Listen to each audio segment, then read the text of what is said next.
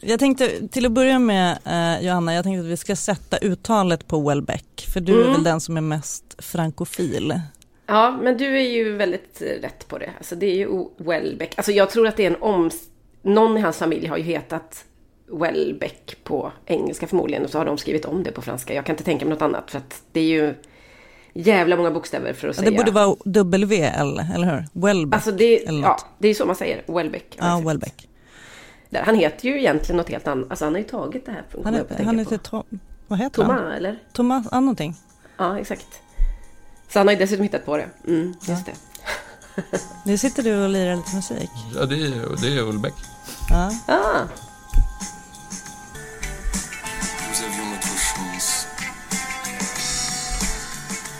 Very classic French pop kan man säga. Hej, du lyssnar på Aftonbladet Kulturspodd. Och idag ska vi prata om Michel Houellebecq.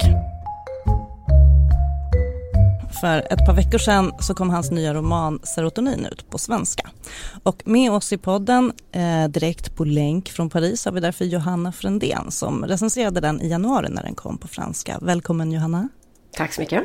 Hej, och med här i studion har vi också Martin Ågård. Hej, hej. Hej. Hej. Och jag har suttit och väntat lite på att vi ska få prata om Welbeck i podden. Men eh, det har varit så himla mycket debatt om Nobelpriset och Peter Handke.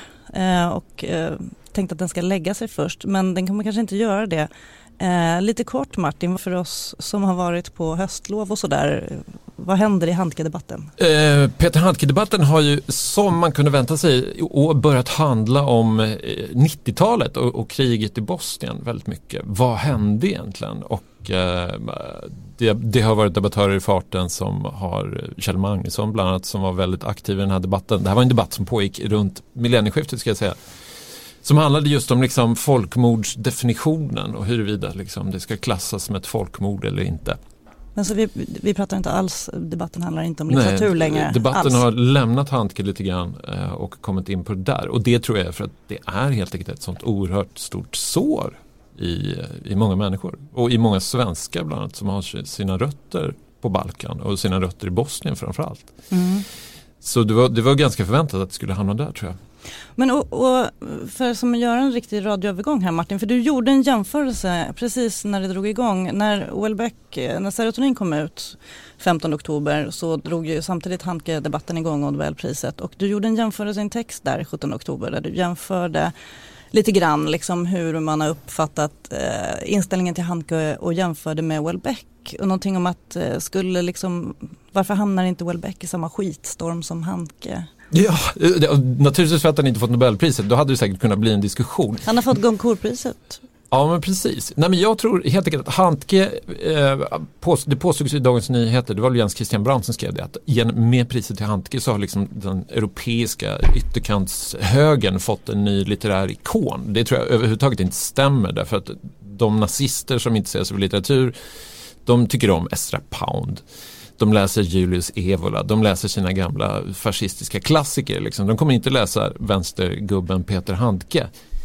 Eh, och, och jag tror att, att, att, man kan säga någonting sånt om Handke är liksom därför att han helt enkelt inte är särskilt inne. Han är inte särskilt populär. Han är ingen, han, eh, och jämförelse med Olle Bäck är, är ganska enkel att göra. Ja, därför att ja, han är liksom Europas mest hyllade författare just nu, Michel Houellebecq, enligt min bedömning är ju, har ju otroligt vidriga politiska åsikter. Har han det? Ja, han har skrivit, han mm. liksom eh, har kommit ut som en väldigt extremt konservativ katolik. Han, han tycker Donald Trump är en jättebra president och vad det gäller att göra snedsteg i bedömningar och konflikter så är han ju en toppkandidat till något pris därför att han stödjer ju absolut USAs tillbakadragande från Syrien.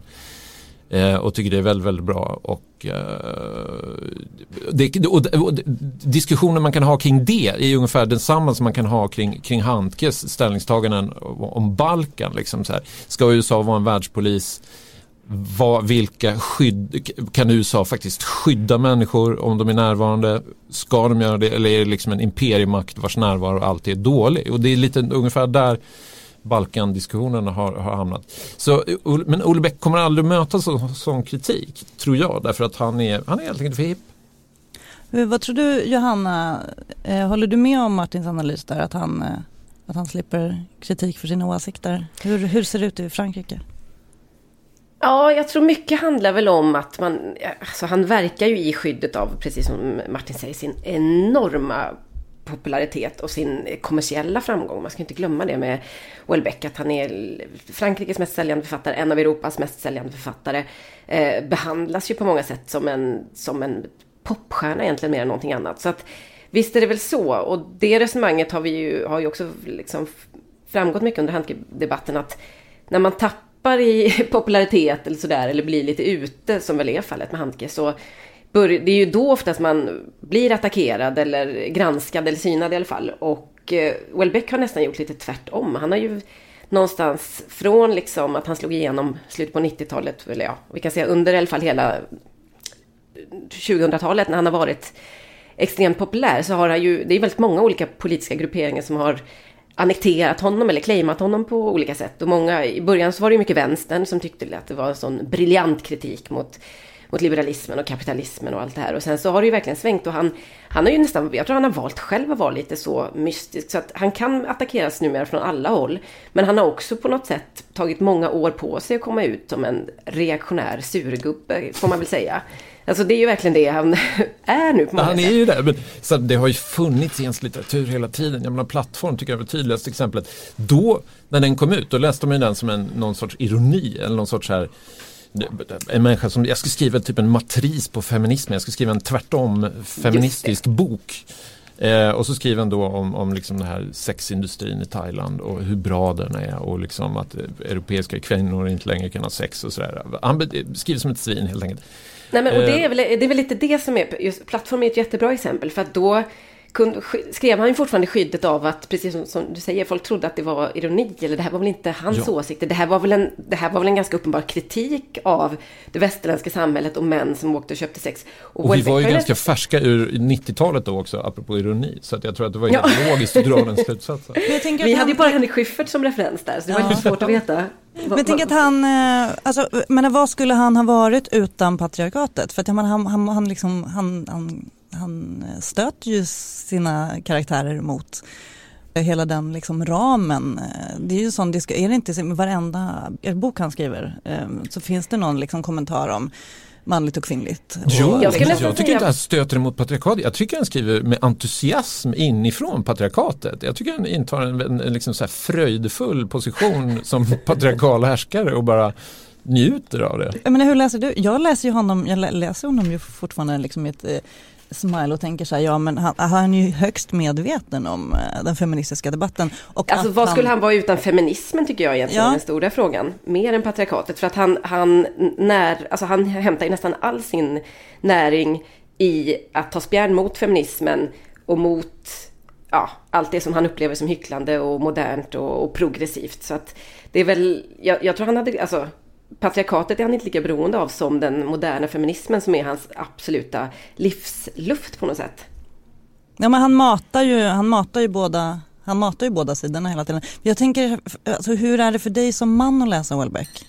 Alltså sitter inte du här och bara, inte alla män? Eller liksom, jo, ja, men nu menar jag gör det. För jag har verkligen liksom gjort hela resan med Welbeck. Jag blev otroligt entusiastisk för första gången jag läste honom. Så här, och fy fan vad bra. Och då kände jag också att, det här, att han jobbar precis som eh, Lars von Trier trodde jag jobbade på samma sätt med något som, alltså Breaking the Waves som mm. också är, är liksom en så här anti en, en, en, film som tar liksom spjärn mot feminismen och gör någonting tvärtom. Du ska göra liksom en så här, någon sorts antifeministisk ironi.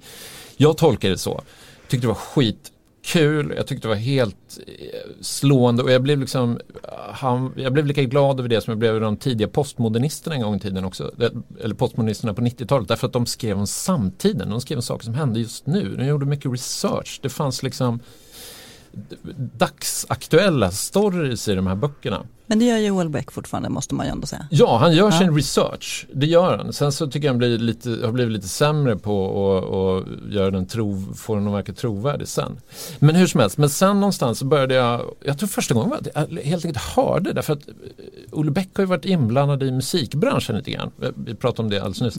Han har spelat in en skiva och genom så musikkontakter som har stött på honom så fick jag höra så här, ja men Olle Bäck är så här. Han är liksom ett reaktionärt svin. Han, han tycker det är underbart med så här sexturism till Thailand.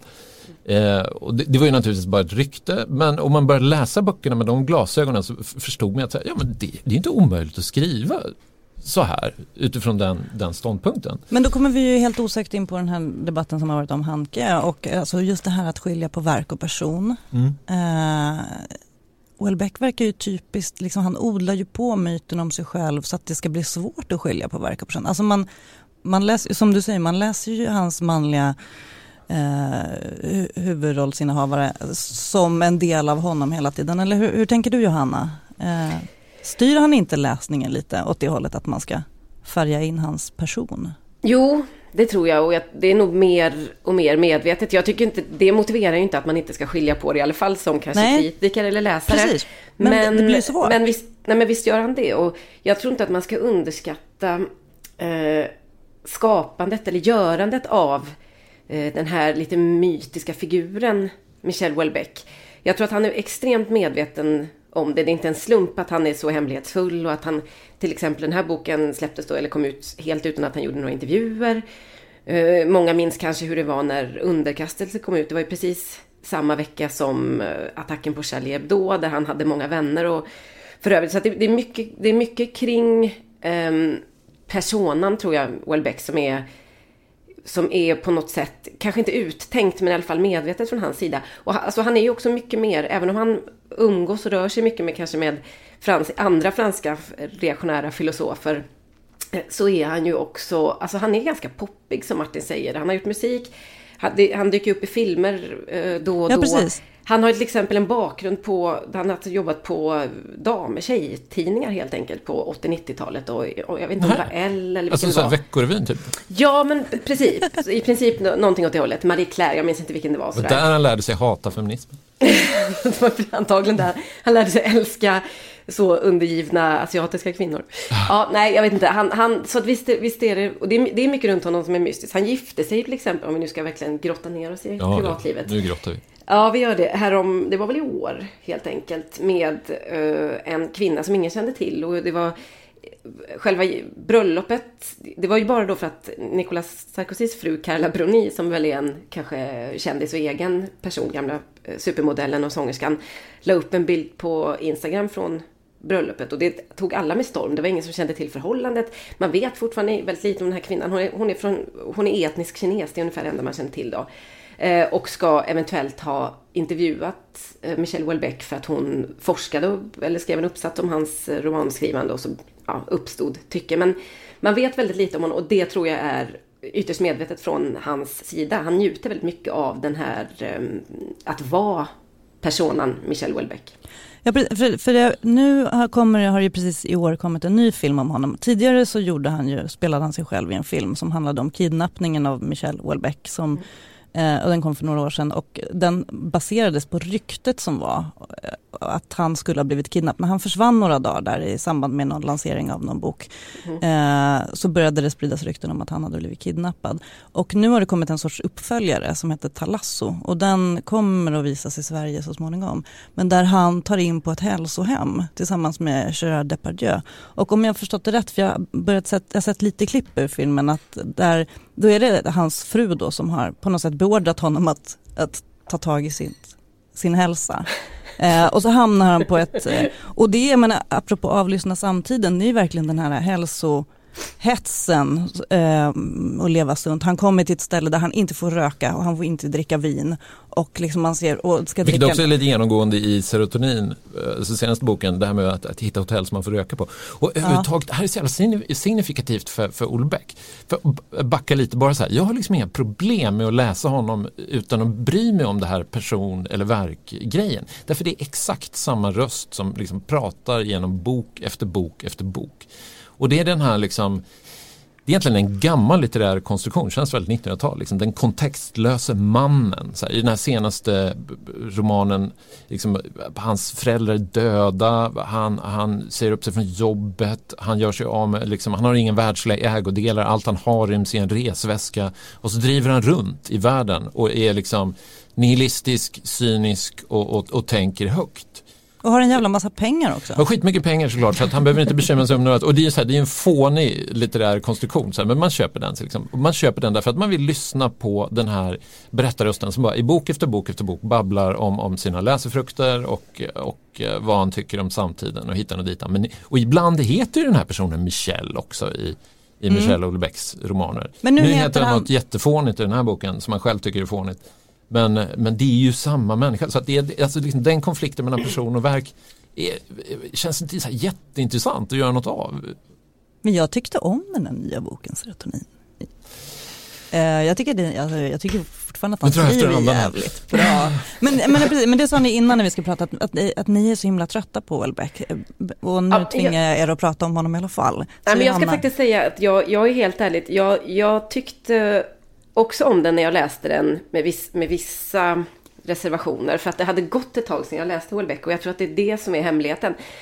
Läsa honom var tredje år går alldeles utmärkt för då har man nästan börjat sakna honom lite grann. Eh, jag gjorde misstaget här och häromdagen att läsa om Plattform och det var ju en plåga.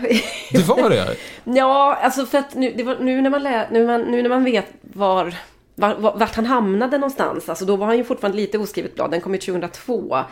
Och, och precis som vi var inne på att man trodde att det var kanske en kritik då av sexturism och eh, av ja, precis det här upplägget som du var inne på Martin. Också intressant att då, då var huvudpersonen strax över 40, jag tror han var 41 eller 42 och eh, huvudpersonen i senaste boken är 40 46. Så han har bara åldrats också fyra år då på nästan, på 15 år kanske verkligen. 15, det är någon sorts Hullebeck-år. som går lite långsammare än alla Men det är Nej, ju men, någonting. Det, var det kanske är en människa som har stagnerat helt det var fruktansvärt, den var ganska tråkig att läsa också även om, då, ja, då tycker jag nästan att i serotonin är han, är han ju rolig emellanåt. Det var han faktiskt inte på, i, kring millennieskiftet. Så att någonting har, har tillkommit och sen så är ju också... Eh, att han är roligare nu helt enkelt? Ja, han är lite roligare. Jag tror också han är roligare nu för att han är lite mer... Han har kommit han är ut lite mer som gubbe nu. Gubbe, exakt. Och det är så uppenbart ja, att han, han är lite mer svårt med potensen. Ja, uh, exakt. Det ja, kanske... Testosteronet sjunker undan så att han är liksom inte lika arg. Liksom, det är inte den här vreden bakom längre. Ja, men det är någonting om den här samtida manligheten med liksom, eh, från att han har varit helt alltså porrfixerad och sex. Ja. Eh, till att han nu, eh, de här, alltså menar, förskrivningen av antidepressiva ökar ju i hela västvärlden. Det är ju, och det hänger ju ihop, eh, och det skriver han ju om. Eh, att han liksom själv på något sätt tar ifrån sig, i, eller sin karaktär, eh, den, eh, det han har roat sig med. Liksom. Men det är väl ganska så tydligt, för det, slog, det slås man också av när man läser just den här plattformen, att det är otroligt mycket sexskildringar. Eh, och som inte är, de är inte på något sätt ehm, vad ska man säga, de är inte alls ironiska utan de är ganska, alltså det är nästan lite tantsnusk ja. vad man ska säga, gubbsnusk. Mm. Alltså det är väldigt nästan som att man, man ska dras in i det och kanske bli lite upphetsad av det helt enkelt. Alltså det är extremt Nej, men jag tänkte väldigt, alltså när jag, Och det är väldigt mycket bra sex att, också. att det är så här klassiskt eh, sexy western upplägg. Alltså på mm. den tiden när man liksom eh, sålde porr i form av, av eh, pocketböcker. Exakt. Och då var det så här, ja men det var kanske en och en halv sida introduktion till liksom vem huvudpersonen var och sen så smack så var det liksom första sexscenen på i alla fall sidan tre eller något sånt där. Ja, men precis. Nu låter det som att jag har läst den här boken, det har jag absolut inte gjort såklart. Men jag har ju förstått att det var så det fungerade. Du har läst om dem. Jag har läst om de här böckerna.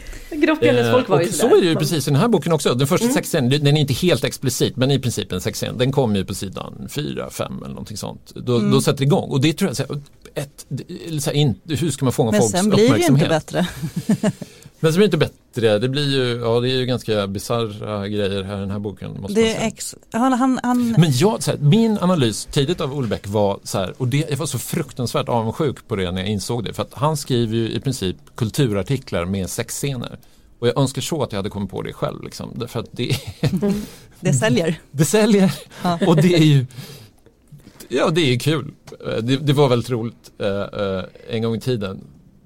Men det är, finns ju något i den här analogin över en millennieskiftes-sexet som du säger. Alltså man åkte då, började kunna åka ganska enkelt till Thailand och, och han gör ju ingen skillnad på den tiden mellan att köpa sex och sen träffa en fransyska som han blir förälskad i och, och de har liksom gått på sexklubb och det är väldigt så, det finns en lite så mycket lust och, upp, och här, ny upptäckarlust kring, kring allt det sexuella. Medan i den här boken så bara avtar det. Det är lite som en så analogi över den västerländska mannen på något sätt. Att, det, att all potens har bara avtagit sen dess. Hela, hela internet låg öppet då för 15-20 år sedan med alla möjliga fetischer. Men nu är, det, nu är det enda man vill ha är liksom ett lyckopiller. Och då får man betala Men det, med. Symboliskt så är det ju så, han, han, för det han gör, ska vi ju berätta för de som inte har läst boken, är att han, eh, han, han dumpar ju sin flickvän som han har, sin japanska flickvän. Eh, eller bara drar.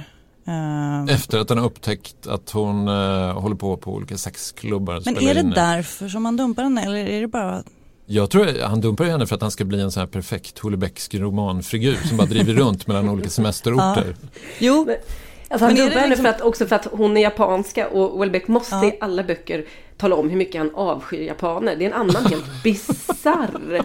Eh, Den obligatoriska rasismen. Fix, fix det ja. han har. Ja men det, det är alltid japan. Det är samma, jag tänkte på det i plattform också, när, bara förbifarten. Han går på något så asiatiskt museum och pratar om det japanska folkets inneboende elakhet. Alltså det är helt okommenterat. Så, så jag tror att, han, att han har um, en extremt agg mot Japan av olika skäl.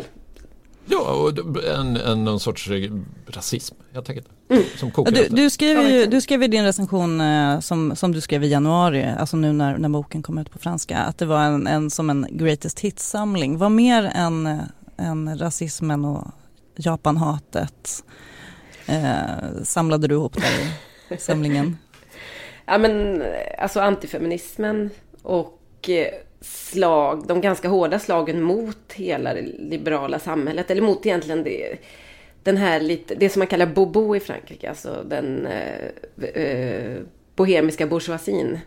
Det som vi kanske skulle kalla hipster. Men i, i, Frankrike har den ju lite längre anor då. Att det kanske handlar mer om 68 som, som ska vara någon form av samhälls eller världssamvete. Och Welbeck hatar Och ganska förmögen hipsterklass. Ja, precis. Och, ex, exakt, och ett väldigt stort kulturellt kapital, ganska höga poster. Ofta då inom um, det offentliga, men, men, men väldigt så goda utbildningar och lite så här allmän vänster. Och det här är ju, tycker jag återkommer, att, och att Welbeck solidariserar sig mycket mer med, med eh, kanske ja, men människor som det är synd om på landsbygden då, som förlorar sina, eller bara den, den lilla människan någonstans. Det är ju lite återkommande också.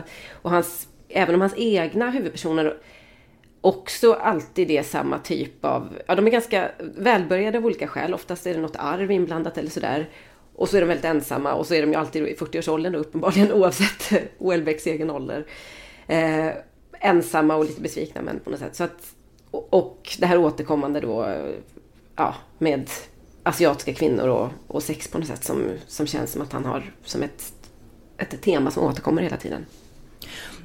Ja, och sen, men, och sen så har ju en sak som har eh, vad ska man säga, förföljt eller som har eh, bidragit till myten eller hypen av Welbeck att, att han då för, för, varje roman på något sätt tycks förutspå saker och nu, det skrev ju du, du nämnde det i din recension också att eh, Vissa har ju kopplat ihop eh, att han förutspår hela gula västarna upproret eller det hade ju satt igång tidigare och nu är det ju mjölkbönderna här han tar parti för. Det är, den här huvudpersonen är ju agronom från början. Mm. Och eh, det är någon eh, ostförsäljning som han övervakar på något vis.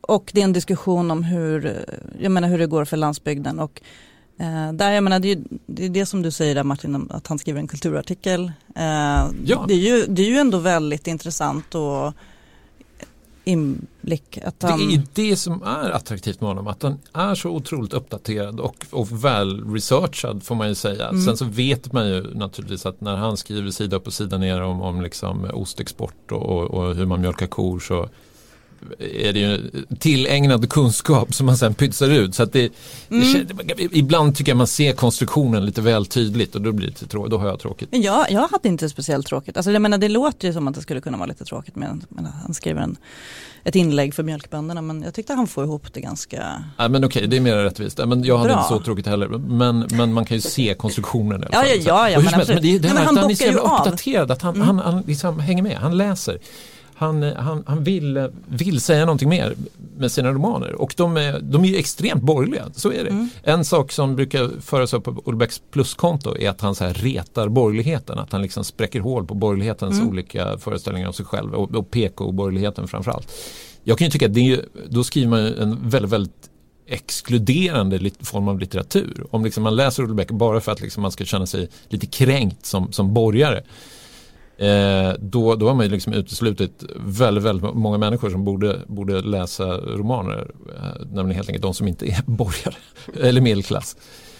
Eh, men, men han är bra på att fånga, eh, hans huvudpersoner är ju byråkrater. Liksom. Andra författare som vill skilja borgerligheten de skriver kanske oftare om liksom förmögna människor eller eh, överklass eller någonting sånt där. Men här han, han liksom riktar in sig på det här lite lägre tjänstemannafältet. Det, liksom alla har väldigt, väldigt tråkiga jobb. De hatar ju sina jobb. De är mm. helt avskyvärda de här jobben de har. De är helt tomma. För att citera Roland Paulsen. Tomma jobb. Mm. Eh. Men, men han, samtidigt så pratar han ju, för det tycker jag ju apropå avlyssningen av, av samtiden, eh, att, att vi har en ganska stor, haft en stor diskussion om, om kris, manlighetens kris och så. Eh, det här är ju en person som, jag menar, genom hela romanen så är det ju som att han går och förbereder sitt eget självmord. Mm.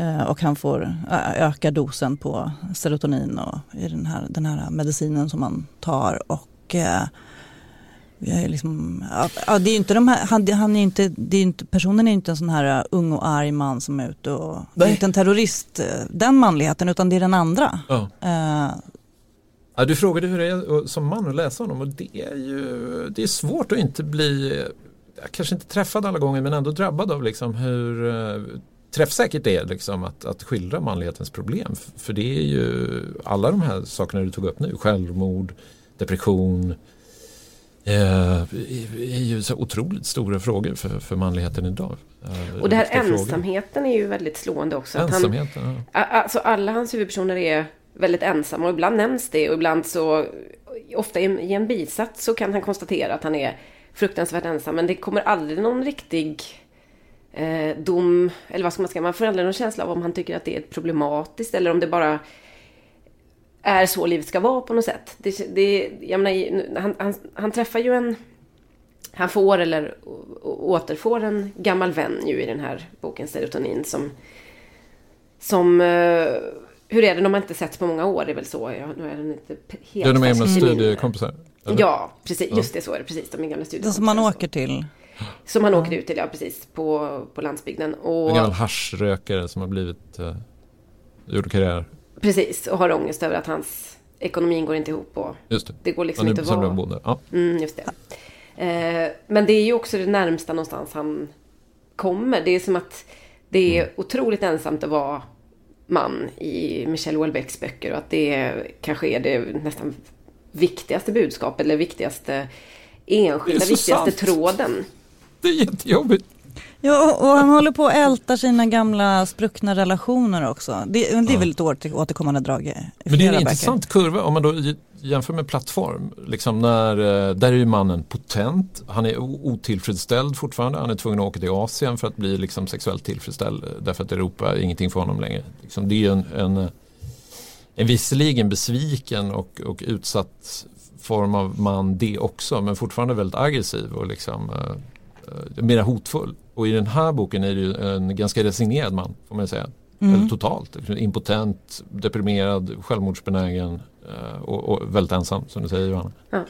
Och han är barnlös och han hittar en, eh, en gammal, eller letar upp en gammal flickvän som har fått ett barn med någon annan och planerar att gå ja. dit och skjuta barnet. Jag, blir, alltså blir frukt, jag blir, var fruktansvärt irriterad faktiskt på, det, på den biten. För jag tycker inte det håller ja. ihop alls. Det finns ju Nej. ingenting i den här eller någon av de andra huvudrollsinnehavarna i hans böcker som får en att känna att han ens skulle ha den typen av, alltså kunna uppbåda den typen av det engagemang och, och, och, och, och liksom eh, kraft att agera eller och varför skulle han helt plötsligt skjuta ett barn? Nej, det är så otroligt eh, jag tyckte inte det var intressant eller spännande. Jag tyckte bara det blev en logisk jättehopp. Men det är kanske ett försök mm. från honom att, att, att, att haka på samtidens problem med ensamma män som begår konstiga Terrordåd. Alltså det är ju lite incel, precis. Det är möjligt att det är det han vill, vill ringa in. Men det, jag, tycker, jag tycker inte det är trovärdigt. Det är, jag skulle säga att det är nästan det som viker av mest av allt jag har läst av honom. i, alltså i psykologisk trovärdighet. Men Ja. ja.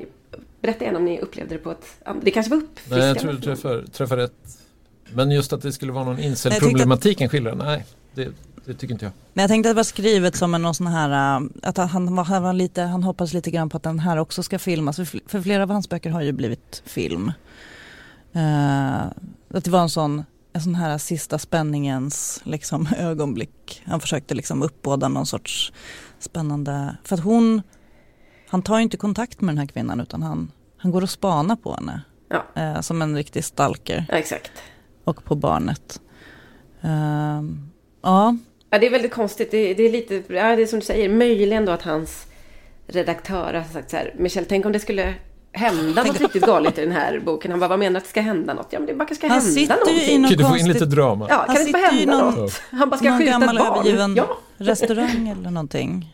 Ja, det, äh, det, är, det är någon miljö där som jag tänker att han, jag vet inte. just det. Någon filmisk liksom scen som Ja. han har tänkt sig.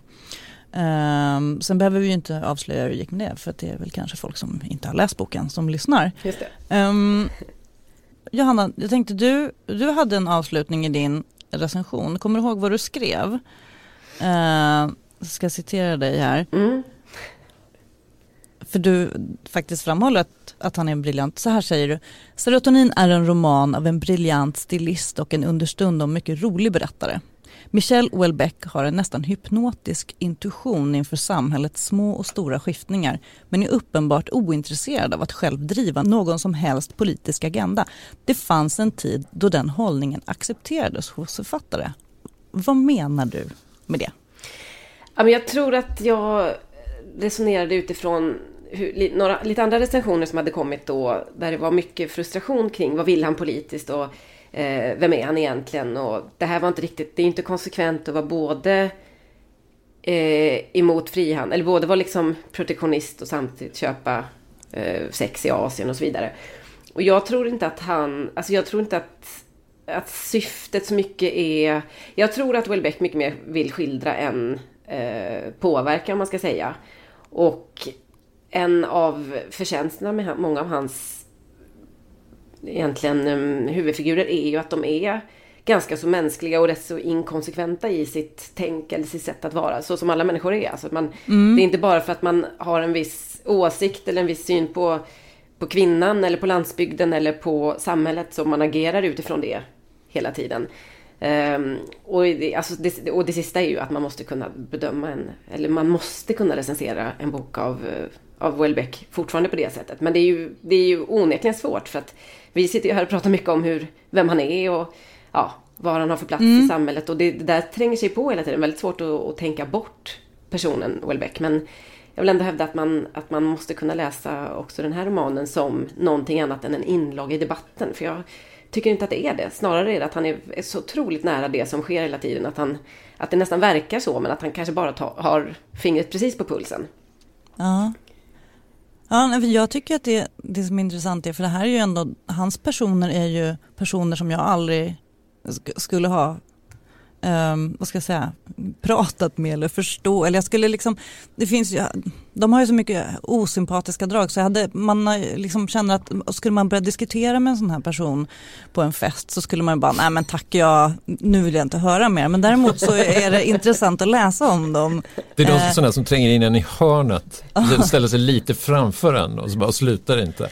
Fast jag-. Eller, men, eller, alltså, jag vet inte om det är så egentligen. Alltså, vi får ju veta mycket om deras inre liv och det är ju inte så sympatiskt. Men det är väl ingen av de här som i, i kontakten med andra är, är så speciellt eh, osympatiska eller att de sticker ut på något sätt. Jag tror att vi, man, du hade uppfattat den här killen eller gubben som en lite, ja, men lite ensam typ men inte något spektakulär åt något håll. Det är inte så ofta han argumenterar till exempel eller låter huvudpersonen argumentera för det ena eller det andra.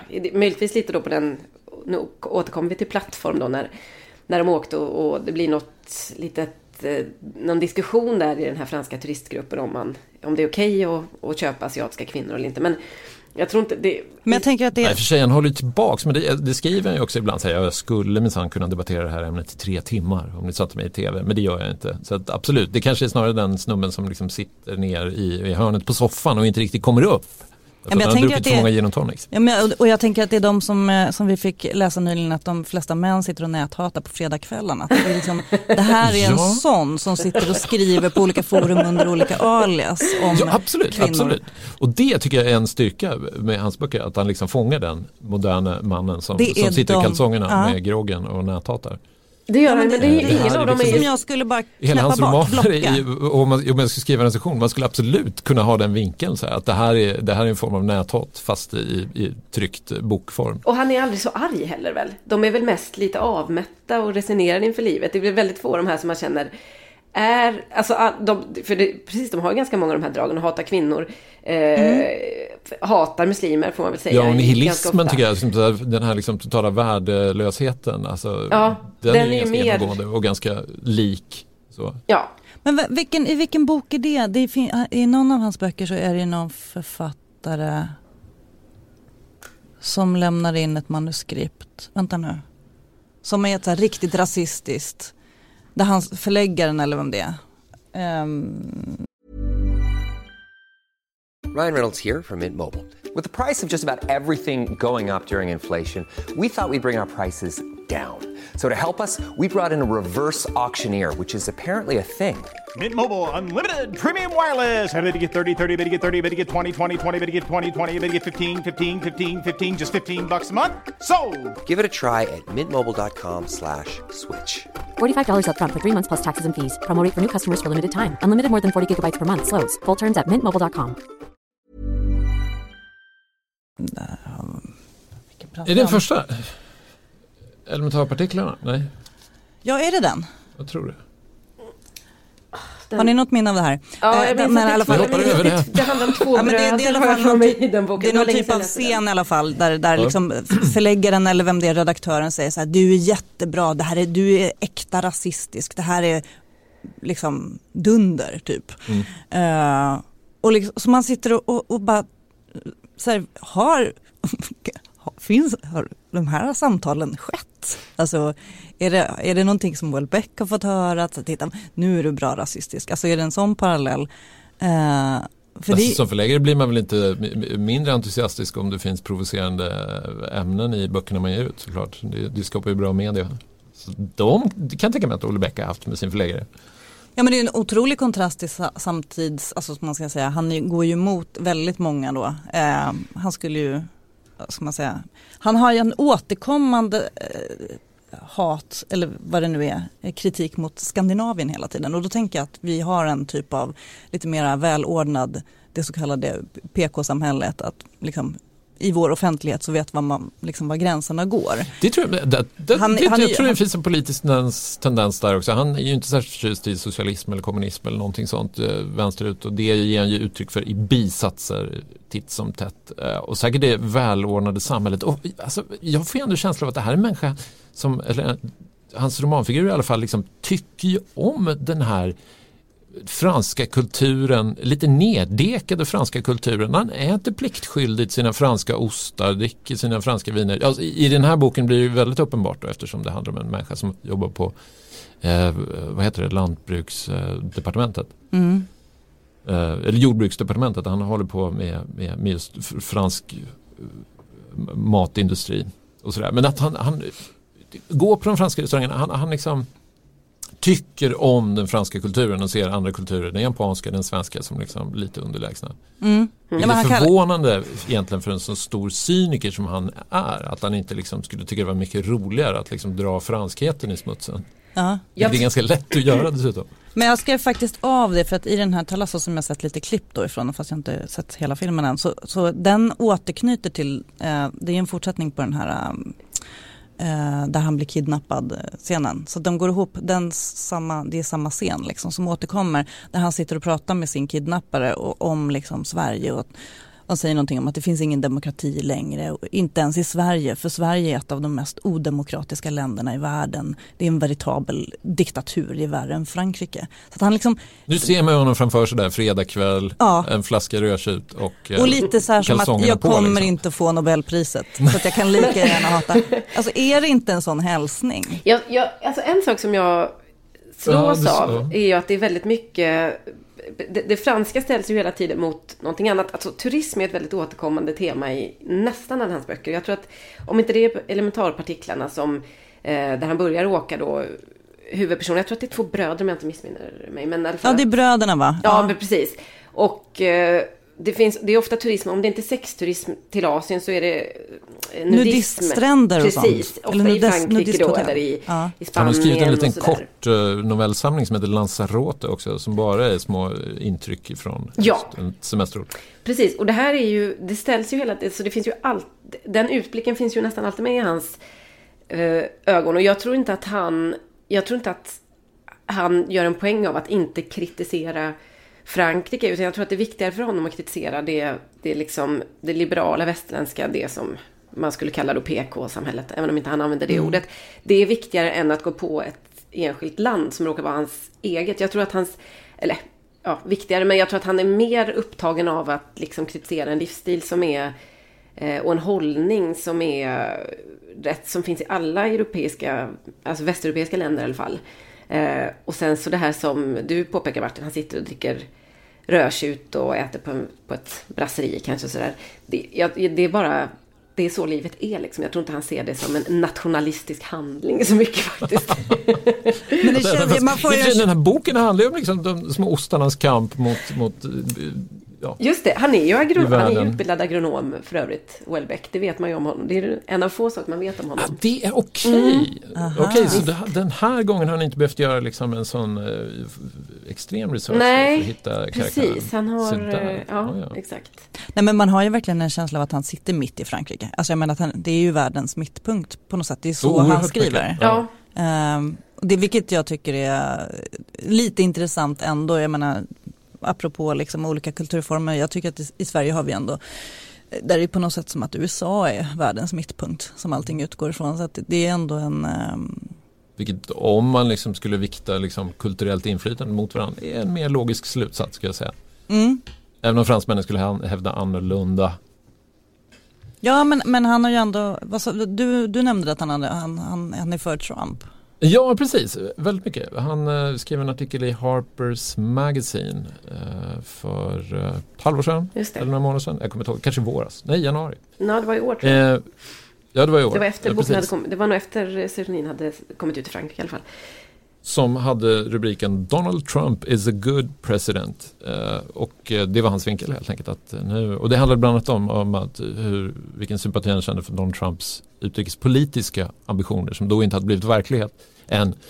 Men helt enkelt att backa tillbaks från allt engagemang overseas. Och, eh, men han, han, han skrev också att han är en kristen, katolsk, konservativ Mm. numera och eh, därför stöder han Donald Trump. Jag tror att det hänger ihop lite med hans eh, Och sexuella att Europa alltid har fetischer. bekämpat islam. Förlåt. Ja, nej, men jag tror att han faktiskt är, alltså jag tror att det är viktigt för Michel Houellebecq att ha eh, att bevara olika kulturers eh, särart. Det, det känns ganska, som ganska så genomgående för mycket av de här turistskildringarna eh, handlar ju om att det är, ja, det är massturism och det, olika liksom, ja, kulturella skillnader löses upp på något sätt och att eh, han ofta är ute efter kärnan. Exakt, han är rädd för någon sorts lite så kulturell nivellering. Ja. Det är därför han återkommer till de här turistorterna. Precis, det tror jag också. Och det är väl lite därför väldigt han mycket- gillar Trump säkert också kan jag tänka mig. Just också därför att en individ är så väldigt kontextlös på en, en turistort. Att där har man inget sammanhang, man har ingen familj, man har inget arbete eller någonting. Utan man har bara sig själv och sina tankar och sin, sitt näthat. Just det. Eh, Sitt medhavda näthat. sitt med inneboende näthat. Det är också intressant att huvudpersonen i den här senaste boken, Serotonin, har någon form av vapenfascination. Eh, Det är ju ändå någonting som inte riktigt har funnits tidigare vad jag kan minnas i hans böcker. Och det känns ju lite också tidsenligt. En koppling till USA, att Kasta in det, precis. eller hur? Eh, precis, utan att dra liksom på full, eh, dra på alla reglage fullt så är det ändå, han, han, han är ju otroligt skicklig på att peta in små detaljer som säger någonting om samtiden eller som kanske är hämtade direkt från samtiden utan att de tar över berättelsen. Man bara konstaterar när man har läst färdigt att jäklar, det här var mitt i prick och just det, den biten. Och även om det ibland kan kännas, som ni var inne på, lite konstruerat så är det ändå eh, tillräckligt snyggt gjort för att det inte ska störa på något sätt och man inte ska haka upp sig på det tycker jag i alla fall. men jag- Nej men nu tycker jag vi hyllar lite för mycket, gör vi inte det? Nej, men jag, jag, tycker, jag tycker man måste läsa den här boken. Den här är kanske lite mer förlåtande roman men den förra den som handlar om någon sorts muslimskt Underkastelse. underkastelse precis. Eh, muslimskt maktövertagande i, i Frankrike. Den fick mig att tröttna rejält. Då kände jag att jag hade liksom att, att han är en sån här one trick pony helt enkelt. Att han tar liksom dagens debattartikel, Ja. adderar sex och blåser upp den i liksom, eller tar sin skräckvision av av, av liksom, de, de, Europas förändrade demografi och så, så gör han en roman av det. Jag känner mig att, att det, här, det är inte kul längre. Ja, Det Men den tyckte jag faktiskt, det här måste jag, gud jag går helt emot er. Jag tyckte den funkade, den, den gjordes ju som teater. Mm. Eh, Mm. och eh, eh, Gerhard Horberstaffer spelade den på Stockholms det gör den ju inte automatiskt bättre. Nej, men den funkade väldigt bra. Men det är förmodligen är det så att jag går väldigt mycket på teater så den var väldigt, den var liksom lätt anpassad i, i den typen av eh, liksom, kontext att, att hitta den här eh, samtidsaktualiteten och eh, det är lite så här provocerande på rätt sida. För Mm. att, eh, apropå liksom hur, hur ängslig svensk teater ändå är så, så var den liksom men jag, jag, jag minns att jag tänkte det, men det är ändå ganska djärvt att sätta upp den. Han är inte helt liksom, han är, och det var väl, jag vet att det var debatter på Kulturhuset också kring alltså, ja, den feministiska diskussioner om Welbeck i samband med det. Men det här var ju ett par år sedan. Jag mig att det var en massa, ja, mm, folk var upprörda. Eh, men han lever ju gott på att väldigt få andra författare ger sig i kast Ja. med lika svåra ämnen. Exakt så är det. Och då får man ju nöja sig med den här reaktionära gubbstruttens åsikter. Eh, därför att det finns inga andra som liksom tar upp konkurrensen. Så är det. Mm. Och det jag kan förstå att det i teatersammanhang absolut att det blir eh, väldigt speciellt. Nej, men det är precis som du säger. Jag tror också att han, han lever väldigt mycket på just att vara, ha fått den här stämpeln som sanningssägare. Och Mm. det blir ett stort, det är jag menar varje gång en roman ska släppas så blir det ett event eller ett stort evenemang kring det. Vad, vilka ska han ge sig på nu? Liksom, vad är, Ja. jaha oj, ett muslimskt maktövertagande i Frankrike. Det, det, det blir så otroligt, um, i sig blir bara själva ämnet egentligen ett uh, samtalsämne alldeles alltså Mm. oavsett vad det är för li- litterär nivå på det. Jag menar, jag tycker att han skriver väldigt bra, men, men det, det är han ju... Och han, jag tror också att skillnaden på andra som driver lite liknande te, teser eller som behandlar samma ämnen då, som, man, som kanske kritiserar islam, vilket han ju gör väldigt mycket, är, gör det mycket mer på Ja men lite så som du sa Martin, alltså i en kulturartikel på mindre utrymme och med, med, med liksom med, Utan sex. Ja, utan sex och med mindre tecken till förfogande. Det är klart på en, på en roman så kan man få, får man ju in mycket mer och utan att, utan att uttala vad man har för ärende, om han ens har någonting, så blir det liksom, det håller ihop en berättelse och sen så återigen, man stänger igen boken och så har man läst ett ganska så groteskt angrepp på Frankrikes eh, samlade muslimer till exempel. Utan att det riktigt blir stötande på vid ett enskilt tillfälle. Alltså det, det, det, bara, det alltså presenteras det skönlitterärt så blir, ju, så blir ju intrycket ett annat och det är väl samma sak med teater. Jag tror att det, som sagt, han, han, han kommer undan väldigt mycket på att vara den enda som gör den typen av eh, skildringar skönlitterärt på den ändå höga nivå han har. ja, det går inte nej, att avskriva tror det som, som vulgärt bara i alla fall. Nej, nej men sen så tänker jag att i, i och med att jag mm, liksom bevakar svensk teater väldigt mycket och saknar ju de här riktigt jobbiga och obekväma berättelserna. Så att när, när han, det är ett par, det är en annan teatergrupp som har gjort en, eh, teatergruppen Institutet som gjorde en, en mixföreställning i samarbete med Nya Rampen, en finsk grupp, eh, som gjorde en sån här mix-up eh, föreställning med blandade Welbeck-texter. Och man tänkte bara så att det här, de här historierna är inte speciellt vanliga på svensk teater. Alltså eh, den där misogyna, på det här ändå, men Welbeck ber ju inte om ursäkt för sin misogyni. Liksom. Han skriver den ju rakt ut. Men på teatern så ber man ju väldigt ofta, alltså där är det liksom väldigt tillrättalagt att man är helt, hela tiden på den säkra sidan. Att det minsann inte är den här teatergruppen som tycker att eh, liksom, Han kommer ju undan med väldigt, väldigt mycket. Särskilt liksom med sin syn på kvinnor och sin syn på sex som liksom i andra och sammanhang. prostitution, Prostitution, var absolut, helt som liksom. skulle eh, du vet, förärats Bad Sex Awards Ja. eller hånats och häcklats om det hade kommit från andra författare. Hur han lyckats med det vet inte jag riktigt. Men det kanske är en så här enkelt stand-up trick att han själv är ju en sån underdog. Han, är ju liksom, han har ju aldrig utmålat sig själv som någon sorts övermänniska. Eller, och kritiken kommer ju alltid från liksom den här misslyckade lilla mm. byråkrat, impotenta byråkratmannen. Eller, eller åsikterna kommer från det hållet. Så då, då kanske man tar till sig dem mer. Men uh, du vet, jag kan tänka mig en uppsjö författare som hade skrivit exakt samma saker. Eller skrivit samma sorts sexscener, samma sorts beskrivningar av kvinnor som hade dragits i smutsen ordentligt för det. Ja, men jag tänker efter hela, efter hela metoo, efter liksom, metoo. över hela världen har diskuterat mm. gränser och... Men jag, jag, jag, tror, liksom, återigen att det Hur lyckas han med det? Ja, jag, tror, jag tror att det fortfarande faktiskt är ett arv från den tiden då ingen riktigt visste var han stod politiskt. Och, och, och återigen då att många kanske inom vänstern på något sätt omhuldade honom för att det var mycket eh, kritik av, av marknadsekonomi och så vidare. Och att och att sen, ju grövre hans eh, misogyni eller eh, muslim, ja, islamofobi har blivit, eh, desto, mer har det väl, desto svårare har det blivit för många kanske att fortsätta och, och försvara Michel Houellebecq. Men ganska så länge så sågs det ju som, ja men det här är nog bara en skildring av hur samhället är, eller det här är nog en dold kritik mot män som köper sex i Asien eller eh, ensamma män som hatar muslimer. Tills det kanske nu har gått så långt så och han dessutom skrev den här artikeln som, som du nämnde där om Donald Trump och så vidare. Att man har börjat inse att okej, okay, det här är ju här har vi honom ungefär åsiktsmässigt nu. Jag tror, jag tror inte nödvändigtvis att nästa Welbeck-roman kommer tas emot på, på samma sätt. Jag tror att han har också nått någon form av kanske peak nu i sitt eh, hur. Peak Welbeck? Ja, alltså hur provokativ man kan vara utan att Eh, utan att kanske inte bli utestängd från, från sammanhang men utan att bli så mystifierad som han är. För jag, jag känner lite grann personligen att mystiken är lite bruten den här gången. Eh, mm. Ja, eh, alltså. Men det är...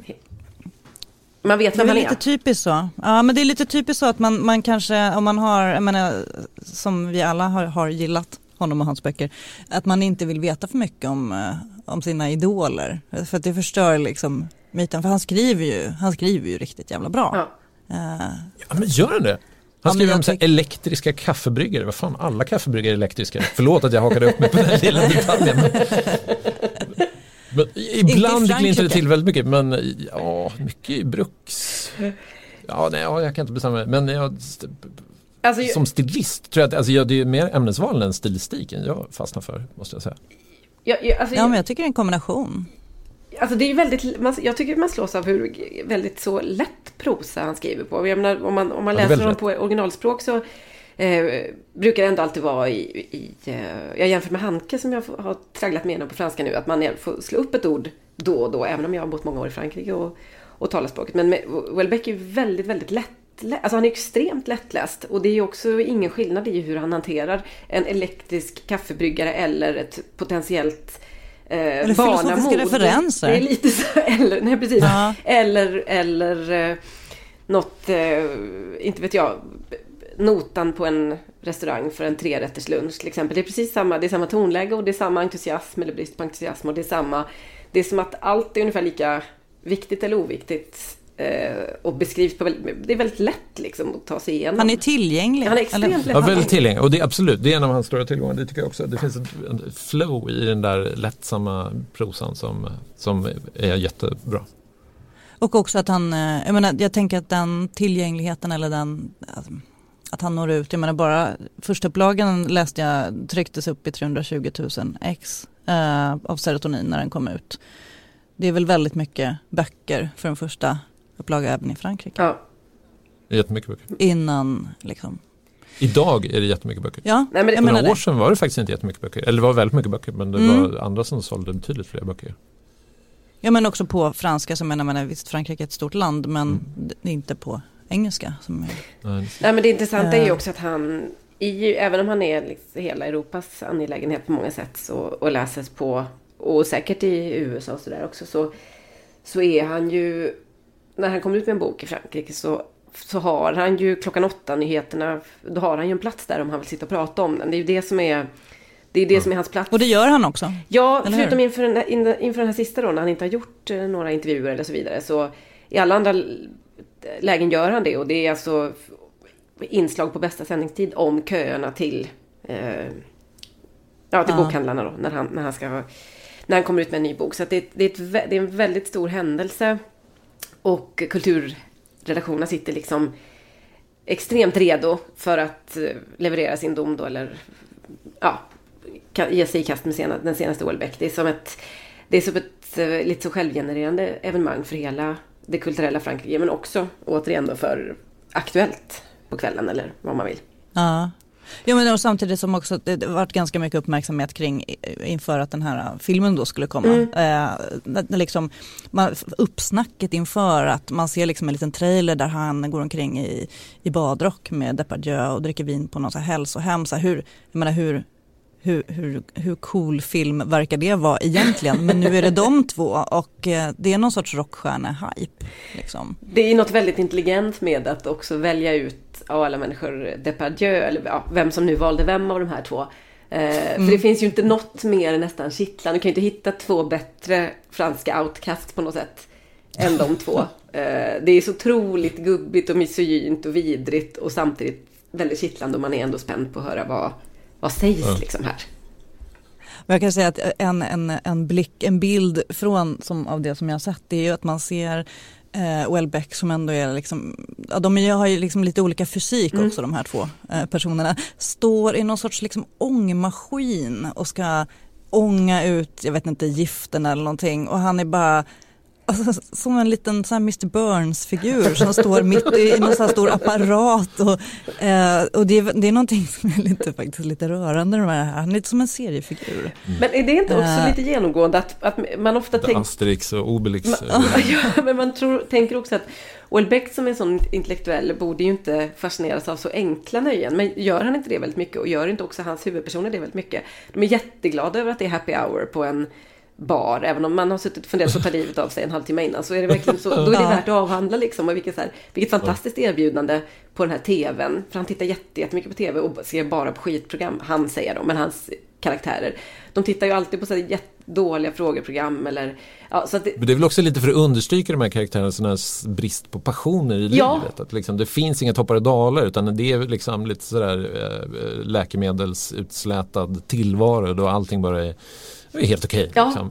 li- precis. Eller, Exakt så. Ja men också för, för att vara ändå en så pass eh, beläst författare som han är. Han har ju väldigt mycket liksom, avancerade litterära referenser återkommande. Eh, ja, och så- lite utstuderade litterära Ja. referenser. Liksom. Man drar ju hellre till med en okänd 1700-talsförfattare än liksom en ny angelägen filosof till exempel. Ja men samtidigt så gör han ju ändå det här som vi, liksom, som man i rockbranschen skulle säga sellout. Eh, med de här liksom ganska folkliga film, alltså att, att han spelar sig själv och han håller på med liksom, hans varumärke är ju väldigt eh, eh, ja, men hela den här myten om att han skulle vara, ha varit kidnappad och så gjorde han en film om det. Så man liksom bara, han mat, fortsätter att mata. Ja, Men det är återigen, jag skulle säga att allt det där är, liksom, det är små markeringar mot borgerligheten och visar sig att jag är Ja. inte liksom, bourgeois på något sätt eller bobo eller vad det nu är. Utan jag, jag trivs på de här simpla barerna. Det tror jag också. Ja, men eh, jämför då, om vi ska återkoppla till Han- Hanke som, som bara går ut och plockar svamp och är liksom doldis.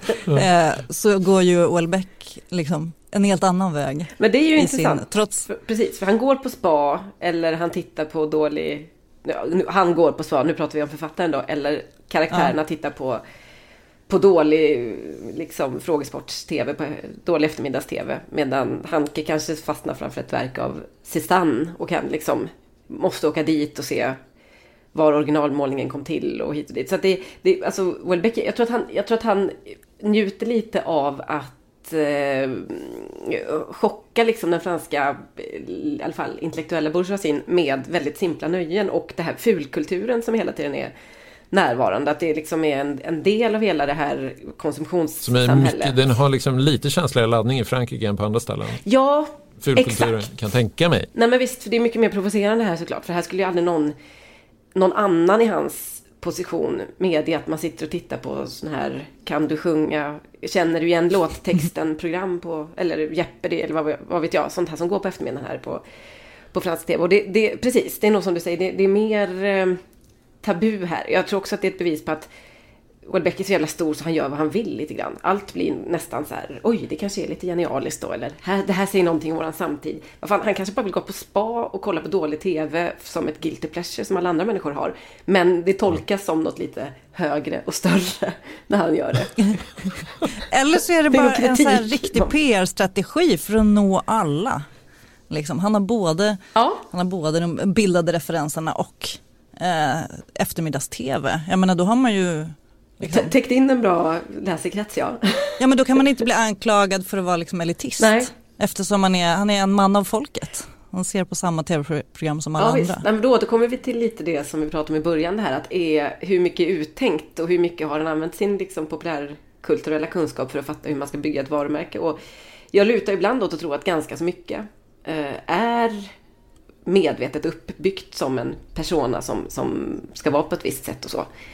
Eh, Det skulle vara jätteintressant att få veta vad Det han har för det, det tror PR-byrå. jag liksom alla skrivande människor någonstans under resans gång inser att så här, man håller på och bygger på liksom sitt lilla persontempel eller sin lilla persona som, som bara blir konstigare och konstigare för varje år. Liksom. Och till slut så kanske man bara kapitulerar helt inför det och inser att ja, men okej, nu kör vi. Så här är, min, just det. är jag nu. Liksom. Ja men då sa han också om, jag menar, apropå den här nya filmen då, att han, det kanske faktiskt är så att han behöver verkligen ta hand om sin hälsa och då varför inte passa på att göra en film av det? Liksom. alltså få det Det är som alla betalt. de här kändisarna som renoverar sina hem på tv, bästa sändningstid. Ja. Tycker bara, ja men vi ställer upp här. Ja, det är egentligen inte, det är inte någon jätteskillnad mot de som är med i Biggest Loser till exempel. Som eh, vi tycker, många anser vara skit-tv. Men det handlar också om lite om att styra upp sin hälsa och leva ett lite sundare liv och så. Det är bara att han gör det med Gerard Depardieu då. Som har smugglat in vin på det här Mm. hälsohemmet, så mycket har man ju fått veta. Ehm, Busigt. Så ja, Nej, men det, det finns ju också, det, finns en, det kom ut en DVD-box med alla filmer som han har varit med i och gjort eller regisserat. Um, det har gjorts filmer av elementarpartiklarna och Refug, eh, bland annat Konkurrens till döds. Så de finns faktiskt tillgängliga för de som är intresserade. Ehm, och sen kommer Talasso kommer att visas i Sverige nästa år. Jag har försökt få ut vilket datum den ska gå upp men den har gått på lite filmfestivaler och så. Eh, för de som ändå är lite peppade på att se de här männen i badrockar. Mm. Ja, eh, någonting annat ni vill tillägga? Nu har vi pratat jättemycket om Welbeck som ni ändå är, säger att ni är så trötta på. Ja, fruktansvärt trött. Ja. Ännu mer trött nu. Usch, Ja. Ska aldrig mer läsa. Ja, men man, man kanske Nej. mer jag, jag tycker om honom i lagom doser ska jag säga. Eh, Men jag, det är inte en författare att sträckläsa för man blir ju trött på honom. Och sen så är man väl, jag vet inte om du känner som jag Martin, man är också lite trött på att han, kanske mer att han är så otroligt upphöjd och kommer undan med väldigt mycket.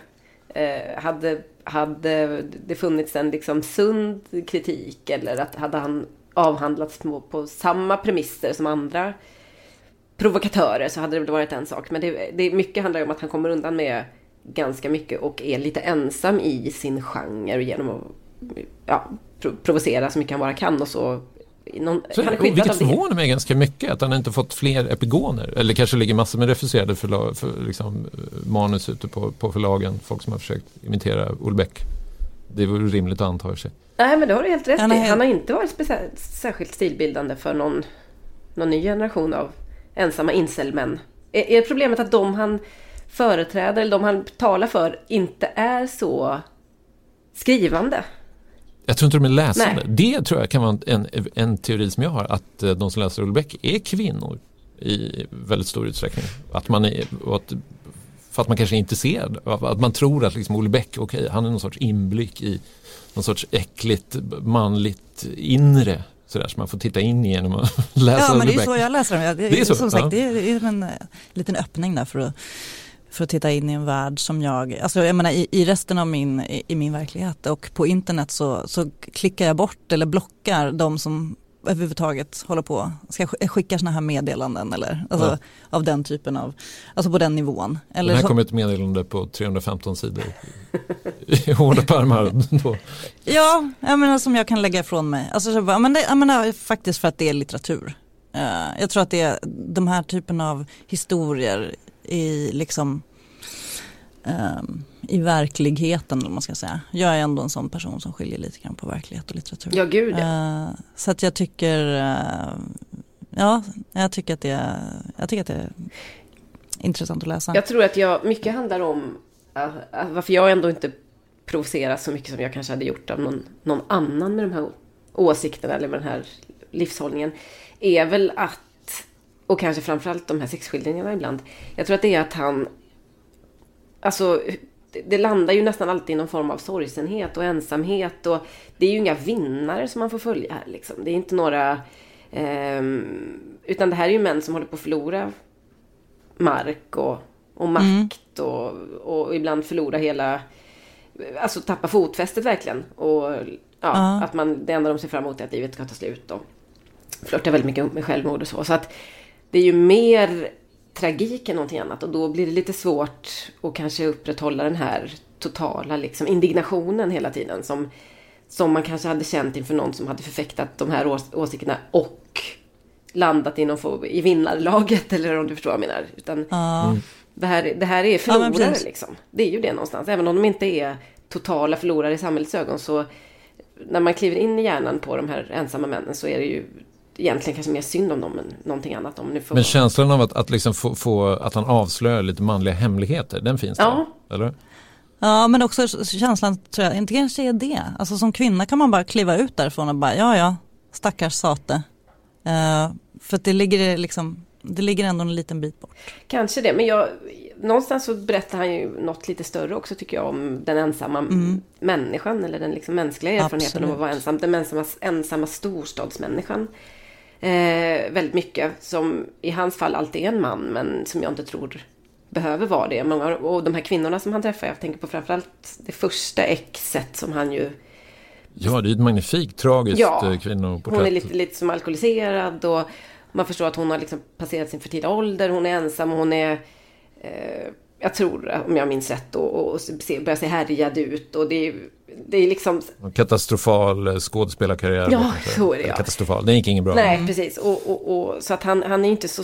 Han är inte skonsam mot någon egentligen. Och jag tror att, eh, att man ändå som kvinna kan ha behållning av det här, vilket jag bara, har. Hur liksom, det är ju det. Olle Bäcks maskerad ser ut. Liksom, att en trovärdighetsfråga att den här lilla liksom jordbruksbyråkraten, den deprimerade jordbruksbyråkraten, han dejtar ändå bara skådespelerskor eller så här konstcurators Nej, nu... på liksom Frankrike, liksom Paris mest prestigefyllda konsthall. Alltså det känns ju som en väldigt, när det kommer liksom till, till hans privatliv kan han liksom inte förklä Michel Houellebecq riktigt i, i liksom byråkratkostymen. För det, jag bara tror inte på det. Att den, det här, den, här, den här drömkvinnan eller hon som han söker upp igen, hon är hon veterinär eller vad var det? Var, det var också från någon lantbruks... Var det någon studie? Ja, just det. Jo, men det okej. Det finns, ja, mm. precis. Och han är agronom. Ja, mm. ja, men där, det kanske finns några stackars kvinnor i Paris som får läsa den här boken och känna sig jävligt orättvist skildrade. Men jag, jag tänkte vi pratade om provokationer. Uh, jag är inte så, eller är det inte så att man efter, efter alla hans böcker, alltså, man börjar bli lite avtrubbad. Är det inte lite svårt att provocera? Nu har han liksom, han har ju, han har ju bockat av väldigt många ämnen. Alltså rasismen och terrorismen och muslimerna och de japanerna. Ja. Och, jo, jag alltså, slås lite av också hur liksom klassisk den här liksom romankaraktären är. Det går ju liksom inte att låta bli att tänka på så här Camus eller för den delen alltså mm. Dostojevskij också. Liksom, du vet den här nihilisten som begår ett mord bara för att han kan. Liksom, eller, eller mannen på stranden som skjuter en, en arab bara för att han kan. Eh, att, att det här är ju liksom en, en litterär eh, trop nästan. Alltså det är mm. en, en, en, figur som har liksom vandrat genom litteraturhistorien i många olika gestalter. Liksom. Den sammanhangslöse nihilisten. Är inte Welbeck uppvuxen i Algeriet också? Är han det? Jag tror det. I ett? Han, vi borde, i, Algeriet. Vi borde ha rätt ut allt det här. Ja. Uh, ja, men, men han, men lite grann av det här med hans liksom eh, de här personerna med, med, lite så här oklara föräldraförhållanden. Han har väl växt upp med sin farmor precis som de här, är det bröderna i elementarpartiklarna. Det finns liksom en massa likheter där. Mm. Um, det finns faktiskt en, en bok av Peter Handke som jag läste för av, av, um, vad ska man säga, fotbollsskäl. Den här som heter Målvaktens skräck vid straffpunkten. Som handlar ju om... Handlar det något om fotboll? Ja, det är före detta fotbollsmålvakt som är huvudperson. Och det är väldigt mycket en Welbeck-figur. Eh, även om Handke kanske var först då, för den är från 70-talet någonting.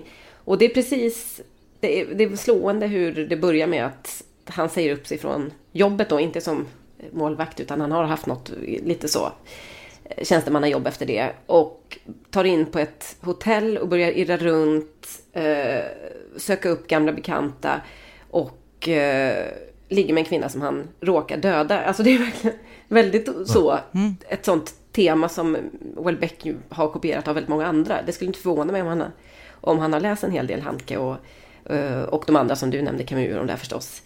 Så visst är det ett, ett väldigt, en väldigt så bekant man i, i världslitteraturen och den europeiska litteraturen. Han är, inte, han är långt ifrån först med det här, även om han kanske är den som provocerar. Nej, han ansluter sig ju verkligen. Ja. Uh, det Precis, och det är en sån perfekt romanfigur att använda sig av för att då blir den personens blick på omvärlden så otroligt avskalad. Den blir liksom lite, lite objektiv och den, den blir, kan vara så oerhört cynisk. Am, amoralisk. Vilket är underhållande att läsa såklart. Liksom. Det, kan, det är alltid kul att läsa cynism. Just det. Mm. Men jag tror precis eh, som du säger att det går inte att provocera så mycket mer. Och det är lite det jag menar med att jag tror att vi har nått någon form av peak Welbeck. För att en till roman på precis samma tema då. Stad och landsbygd, muslimer, mm. innerstadsparisare. Eh, Kulturkrig, feminism. Ja, precis. Liberalism, kvinnor, kvinnor som klarar sig själva men som är impotenta. Det kommer inte riktigt hålla utan eh, det, antingen så kommer han behöva alltså, gå liksom all in och bli, alltså ta ett rejält steg ut i träskmarkerna. Eller ge sig mm. på något annat tror jag. För att behålla intresset i alla fall. För att... Eller en liksom Knausgårds självbiografi. Alltså en, en väldigt ärlig självbiografi. Ja. Av Olle Bäck. Det skulle jag Skulle den skilja sig så mycket från de här? Det är det man undrar. Jag tänkte... Nej, inte, men då skulle allting falla ja. på plats. Ja. Själva facit. Ja, precis så. Det, man vet ganska så lite om, om hur, hur hans vardag ser ut eftersom han inte dyker upp så mycket sammanhang. Men ibland så kan det ju bara nämnas i förbifarten. Han fick ta emot hederslegionen här för ett tag sedan av Macron. Macron vars politik han ju hatar och Macron som ju älskar Welbeck såklart för att litteraturen ändå, det har ändå en, en särställning på något sätt. Viktigare för den franska presidenten än att bli omtyckt tror jag. Welbeck sätter också Frankrike på kartan litterärt. Ja, precis. Men det är klart det är inte din, kanske den bästa, mm, vad ska man säga, turist mm, magneten eller eh, det är inte det, kanske Frankrikes bästa så. Det är inte sådana Wallander-vandringar liksom. nej, nej, han säljer väl inte in det nutida Frankrike så fantastiskt bra. Men då kom det fram i alla fall i någonstans i att, att uh, Welbeck hade avslutat en lite väl blöt kväll med att sova över på Emmanuel Macrons soffa. Det här var när han var ekonomiminister fortfarande, Macron då, i, i Hollands, i den förra regeringen. Eh, om man bara läser det en bisats så tänker man att det händer nog ganska mycket intressant i eh, Michel Houellebecqs liv som, som inte riktigt eh, är fallet med hans huvudkaraktärer. Så kanske skulle det vara ganska intressant att läsa hans Knausgård skildringar från nu. Eh, mm. Men jag tror inte att mm. han skulle vinna så mycket på Alltså imagemässigt på att lyfta fram det. För han vill nog vara den här outsidern och losern lite hellre än att visa att han... Var den som ja, med Macron. Liksom. Nej, ja. precis. Nej och sen så nu, nu är han ju, nu är han ju gift. Um, så nu har han ju säkert, och har varit på spa. har varit på spa. ja. nej men som sagt det ska bli, det ska bli, ja, det ska bli intressant att se den där filmen och se hur den slutar och uh, om det nu är så att han, hur det går med rökningen och sådär. Uh, för den verkar ju vara väldigt, det verkar vara grundläggande för hans Ja, han är fortfarande, han är en av få som fortfarande får röka i franska tv-studior för övrigt. Det, det var ju, Han har klagat på det? Ja, han får fortfarande göra det. Gainsbourg fick ju, gjorde ju alltid det på sin tid. Men nu kan, han kan man kan fortfarande se. Gainsbourg. Ja. men alla gjorde väl det på 80-talet. Liksom, en referenspunkt för Olbeck som offentlig person. Mm. Det, det, går ju inte att komma ifrån heller. Precis samma sorts eh, karisma. Ja, precis. Även om Gainsbourg kanske var lite coolare, lite snyggare. Mm. Ja, det var han ju. Ja, men fortsättning följer. Vi, eh, vi får se vad det blir. Uh, han har inte sagt någonstans vad han skriver på i franska eller pressen. jag kan minnas sådär rakt av. Nej, han Nej. har ju sagt väldigt lite överhuvudtaget på sista året. Uh, utöver den här artikeln som Martin refererade till i Harper så har jag faktiskt inte sett några intervjuer med honom. Han, han var ju noga med att inte göra några inför lanseringen av den här romanen. Så att eh, det är hemligt som vanligt. Mm. Ja, intressant. Men eh, vi får väl se vad som, eh, vad som händer. Eh, men nu har vi ju pratat väldigt mycket om Welbeck. För ett, för, ja, kanske för ett, fram till nästa bok kommer. Nu får, du, nu får det vara tyst. Faktiskt. Om man inte hittar på någonting såklart. Återkommer vi. Då återkommer vi. Men vad bra. Eh, tack så mycket Johanna för att du var med och eh, tömde ut alla dina åsikter om Welbeck. Ehm, tack Martin Ågård och tack för att ni har lyssnat på Aftonbladet Kulturs podd. Jag heter Cecilia Djurberg och fler poddar hittar ni på aftonbladet.se kultur och på Acast. Hej då!